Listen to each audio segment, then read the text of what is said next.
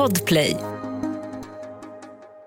Innan vi börjar så vill vi berätta för dig att hela säsongen finns att lyssna på helt gratis på podplay.se eller i podplay-appen. Vill du komma med förslag på historiska händelser så skriv till oss på vårt Instagramkonto om det var du. En silvrig måne skönjer bakom ett brinnande torn vars röda lågor lyser upp natthimlen. Och snart liknar det 67 meter höga hyreshuset en övertänd fackla. En fackla som lyser upp hela västra London. Bland lågorna syns ansikten i fönstret. De viftar med handdukar och skriker efter hjälp.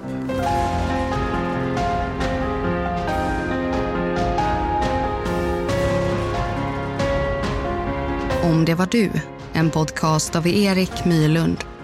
Manus är baserad på faktiska och tidsenliga detaljer samt vittnesberättelser, men fiktiv i den bemärkelse att du själv blir huvudperson i en av historiens mest omskakande händelser. Syftet med detta sätt att berätta på är att komma nära det ofattbara och försöka sätta sig in i det mörker som våra medmänniskor har fått uppleva genom historien. Men framför allt att aldrig glömma deras öde.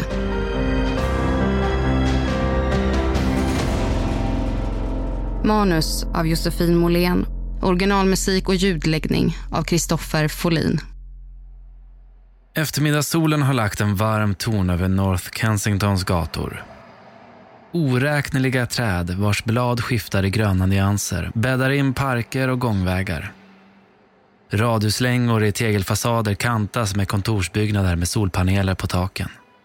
Ett tåg med vita vagnar och röda dörrar kör över bron och bort mot Latimer Road tunnelbanestation på andra sidan. Våningshuset Grenfell Tower är ett hem för hundratals människor och utsikten från ditt vardagsrumsfönster på tionde våningen är otrolig. Du tittar ner på gårdsplanen utanför. Porten vid entrén öppnas och stängs. Människor är på väg hem från sina arbeten. En bit bort står några ungdomar och röker vid en nedklottrad lyktstolpe. Du sjunker ihop på soffan, slår på tvn och zappar bland kanalerna.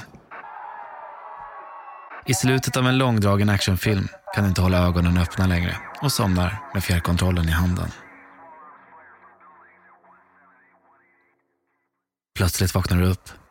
Du har en oförklarlig oroskänsla i kroppen och suckar när du ser klockans siffror på mobilens hemskärm.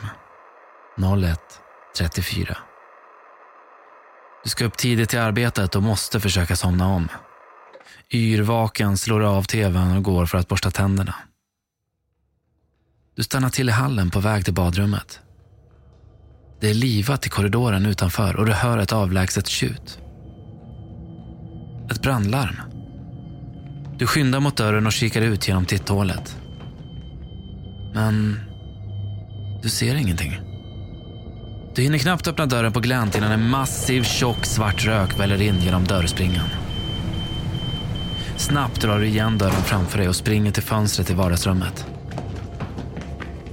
När du tittar ner ser du att gårdsplanen är ett myller av brandmän, brandbilar och evakuerade hyresgäster. Det flackande blåljuset lyser upp deras skärrade ansikten där de står i pyjamas och morgonrockar och stirrar upp på byggnaden. Du kan inte se någon brand. Men du kan se ett rött sken faller över trädkronorna. Med darrande fingrar slår du in numret till larmcentralen. Du förklarar för den sansade rösten på andra sidan luren att en kraftig rök hindrar dig från att kunna ta dig ut. Du förklarar att du behöver hjälp, nu. Rösten svarar att de är fullt medvetna om branden. De har fått in ett flertal samtal om en brand i Grenfell Tower och större insatser är på väg. Du uppmanas att stanna i din lägenhet och invänta brandmännen. Så du kan evakueras säkert. Du gör som du blir tillsagd. Och i ett försök att förhindra röken från att komma in i lägenheten lägger du blöta handdukar vid dörren. Men det dröjer inte länge förrän lägenheten är fylld av en kraftig röklukt. Folksamlingen växer fort nedanför byggnaden. Förutom boende som har evakuerats så har människor i närområdet anlänt till platsen. De skriker allt vad de har i en rörelse som signalerar att folk ska ta sig ut därifrån. Du hör folk som skriker på hjälp inifrån sina lägenheter samtidigt som sirener ekar över staden. Fler brandbilar anländer och hinner knappt stanna innan rökdykare kastar sig ut och springer in i byggnaden. I samma ögonblick som du ser de erfarna brandmännens skärrade ansikten förstår du att branden är utom kontroll. Deras fokus är inte längre att försöka släcka branden utan att väcka och få ut så många människor som de hinner. Du beslutar dig för att ta dig ut på egen hand. Du springer mot hallen. Tar några djupa andetag innan du öppnar dörren och går ut i rökmolnet. Röken får ögonen att svida och är så tjock att du inte ens ser din hand när du sträcker ut armen och försöker vägleda dig fram. Öronen susar och snart känner du en ilning av illamående. Din andning och puls blir allt snabbare och tröttheten mer påtaglig. Du måste andas lugnare. Försöka lokalisera vart du ska. Vart är dörren till trappan? Men du blir allt mer förvirrad av syrebrist och tankarna rusar åt alla håll. Huvudet känns tjockt. Allt gungar likt en odräglig fylla.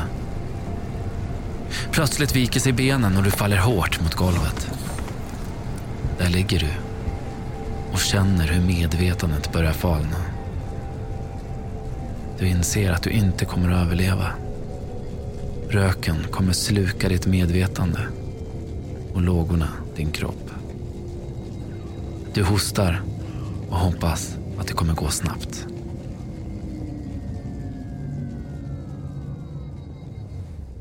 Plötsligt känner du hur någon greppar tag om din arm och sliter upp dig från golvet.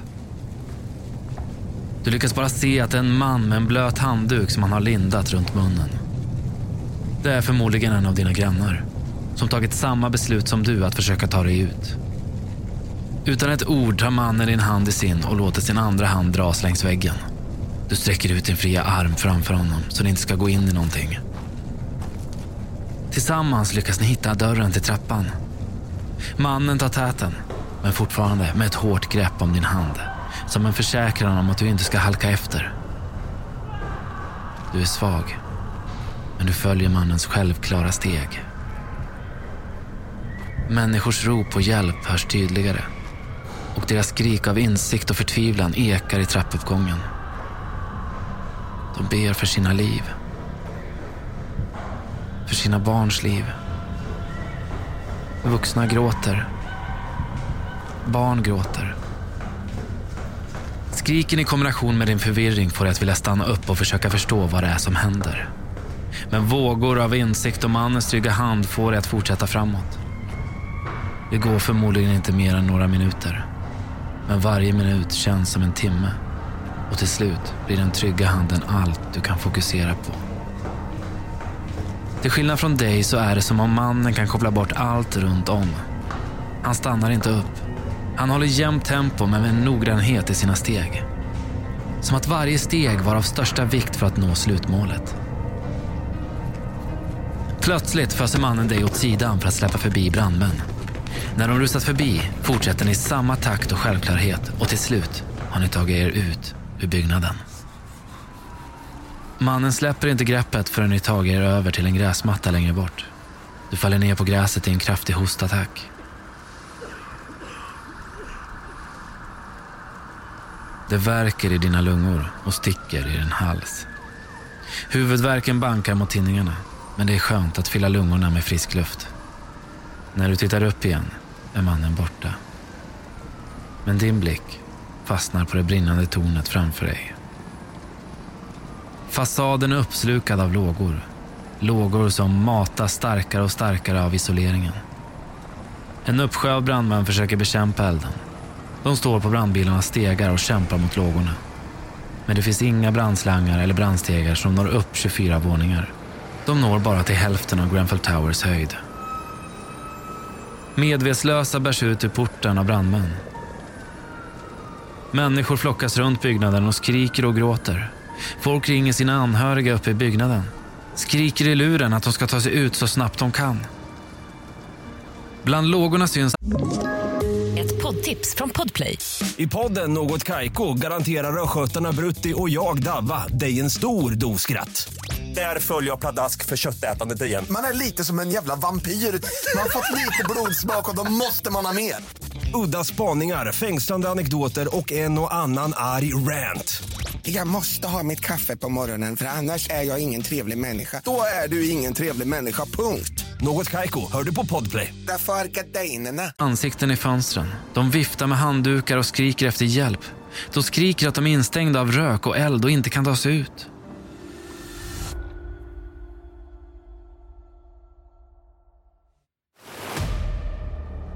Två timmar efter brandens start uppmanar fortfarande SOS att man ska stanna i sin lägenhet och invänta brandmän. En polis springer bland folkmassan och uppmanar alla som känner någon i byggnaden att ringa och säga att de ska ta sig ut. En kvinna bredvid dig ringer sin syster och uppmanar henne att ta sig ut genast. Sedan springer hon fram till en av brandmännen som hämtar verktyg i en brandbil några meter ifrån er. Hon tar tag i honom och skriker att hennes syster är på 20 våningen med sin dotter och att de måste hjälpa dem ner.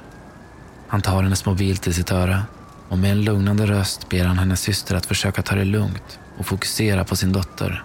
Han försäkrar för personen på andra sidan luren att de när som helst kommer att komma upp och hjälpa dem ner. Men när han räcker tillbaka luren till kvinnan har något svidande och smärtsamt fyllt hans blick.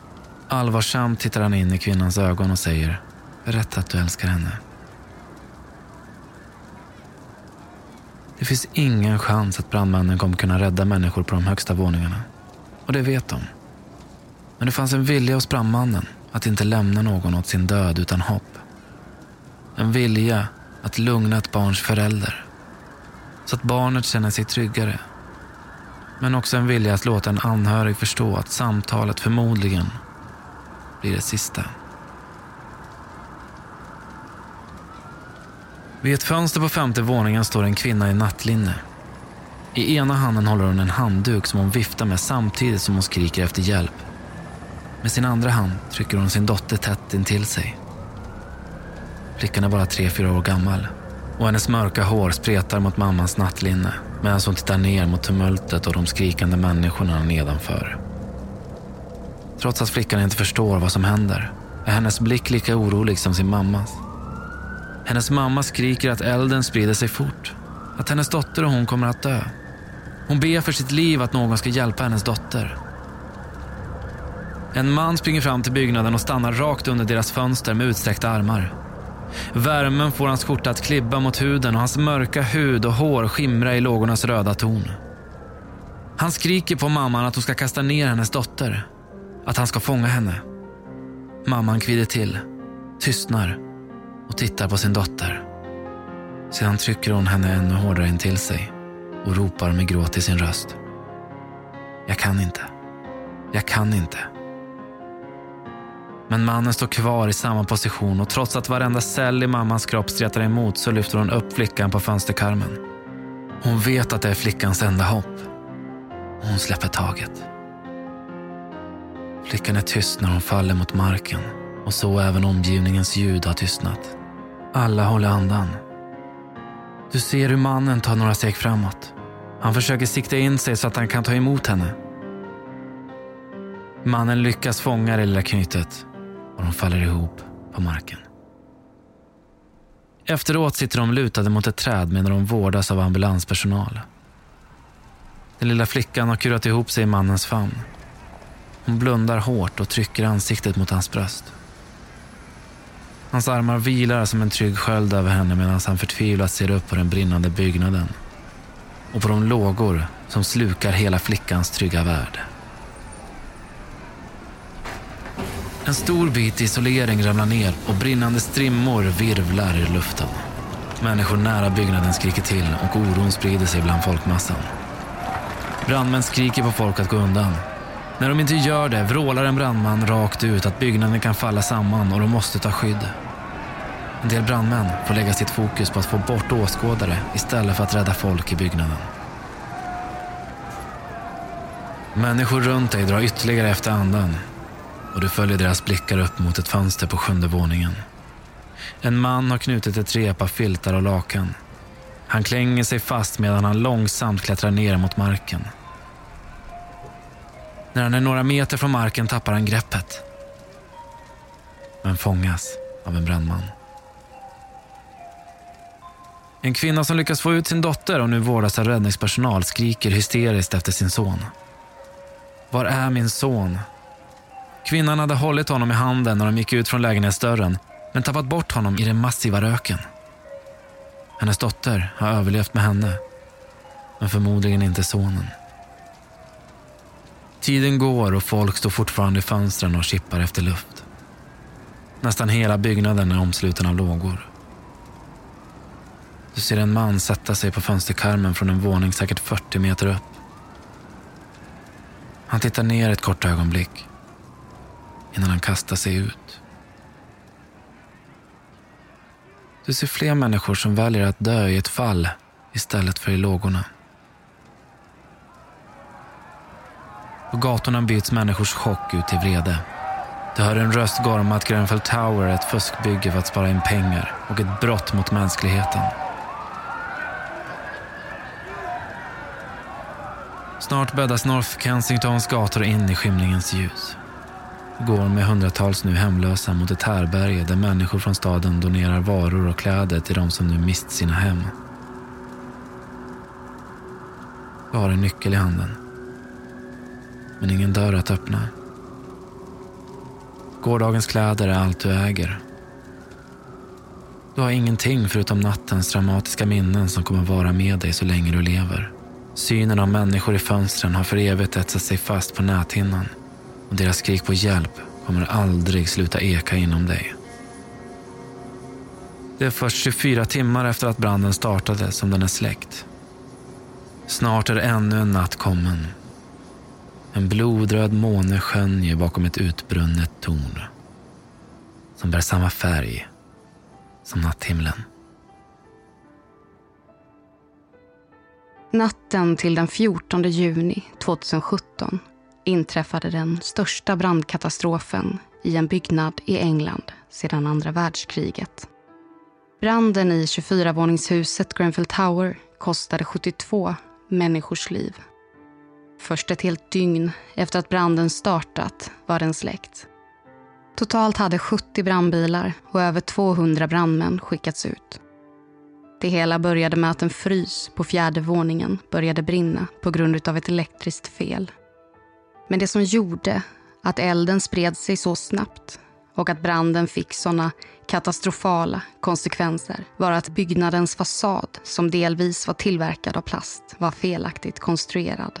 Istället för att förhindra spridning av branden så bidrog den till att sprida den. Till slut stod hela Grenfell Tower i lågor. Den rekommendation som vanligtvis gäller vid brand i flervåningshus är att man ska stanna kvar i sin lägenhet. Något som i det här fallet var felaktigt då byggnadens brandskydd var undermåligt. Först två timmar efter brandens start så togs det formella beslutet att man skulle frångå den principen. Och det var först då man uppmanade de boenden att lämna byggnaden. Det har diskuterats efteråt huruvida det har kostat liv. Det har även framkommit stor kritik mot kommun och byggnadsnämnden för att de tillät den farliga ombyggnation som ägde rum innan katastrofen. Människor är upprörda för att vikten av att spara pengar var större än vikten av att spara liv. Mannen som utan ett ord greppar din hand och räddar dig från lågorna är fiktivt skrivet och baseras på händelsen där en äldre dam försökte evakuera men tappade bort sig i röken. När hon insåg att hon var utom räddning så hörde en granne hennes förtvivlade gråt. Grannen var även han på väg att försöka ta sig ut ur byggnaden tillsammans med en annan man och de fann den skärrade och omskakade damen. Utan att säga ett ord lyfte han upp henne över axeln och bar henne hela vägen ner. Väl nere på marken skildes deras vägar åt och det var först långt senare som damen fick reda på vem mannen var och kunde tacka honom för att han räddat hennes liv. Brandmannen som säger “berätta att du älskar henne” baseras på Francis Deans sista telefonsamtal med en av hans nära. Hon befann sig i sin lägenhet på fjortonde våningen tillsammans med sin två år gamla son. I sin stora förtvivlan och desperation räckte Francis över sin mobil till en brandman. Brandmannen lugnade kvinnan på andra sidan luren. Han försäkrade om att räddningen var på väg och att de skulle få ut dem. När han räckte tillbaka luren till Francis sa han med sorg i sin röst. Berätta att du älskar henne. Mannen som fångar den fyraåriga flickan från femte våningen är helt baserad på artiklar som cirkulerar runt på nätet om samma händelse. Däremot finns det andra artiklar och uppgifter som pekar på att händelsen inte är sann och att den förmodligen aldrig har ägt rum. Vi valde ändå att framföra denna scen i avsnittet då den, om än helt fiktiv, får symbolisera föräldrars förtvivlan, hjälplöshet och desperation inifrån lägenheterna. Vi kan bara föreställa oss vad de kände och det trauma de aldrig kommer att kunna berätta om. Andra händelser i avsnittet som är delvis till helt baserade på olika vittnesmål, intervjuer och filmklipp är bland annat synen av folk som hoppar eller faller från byggnadens högre våningar. Samt mamman som lyckats få ut sitt ena barn men skriker förtvivlat efter sin son som tappade bort sig och försvann i rökmolnet inne i byggnaden. Det blev sista gången hon såg honom. Källor för avsnittet är bland annat hämtat från dokumentärfilmen Grenfell, The First 24 Hours, artiklar från Expressen, Aftonbladet, SVT, The Mirror och The New York Times samt BBC och Brandskyddsföreningen.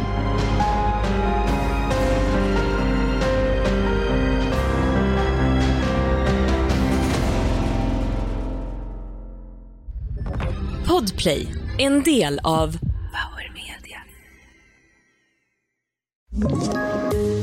Poddtips från Podplay. I podden Något Kaiko garanterar östgötarna Brutti och jag, Davva, dig en stor dos skratt. Där följer jag pladask för köttätandet igen. Man är lite som en jävla vampyr. Man har fått lite blodsmak och då måste man ha mer. Udda spaningar, fängslande anekdoter och en och annan arg rant. Jag måste ha mitt kaffe på morgonen för annars är jag ingen trevlig människa. Då är du ingen trevlig människa, punkt. Något Kaiko, hör du på Podplay. Därför är gardinerna.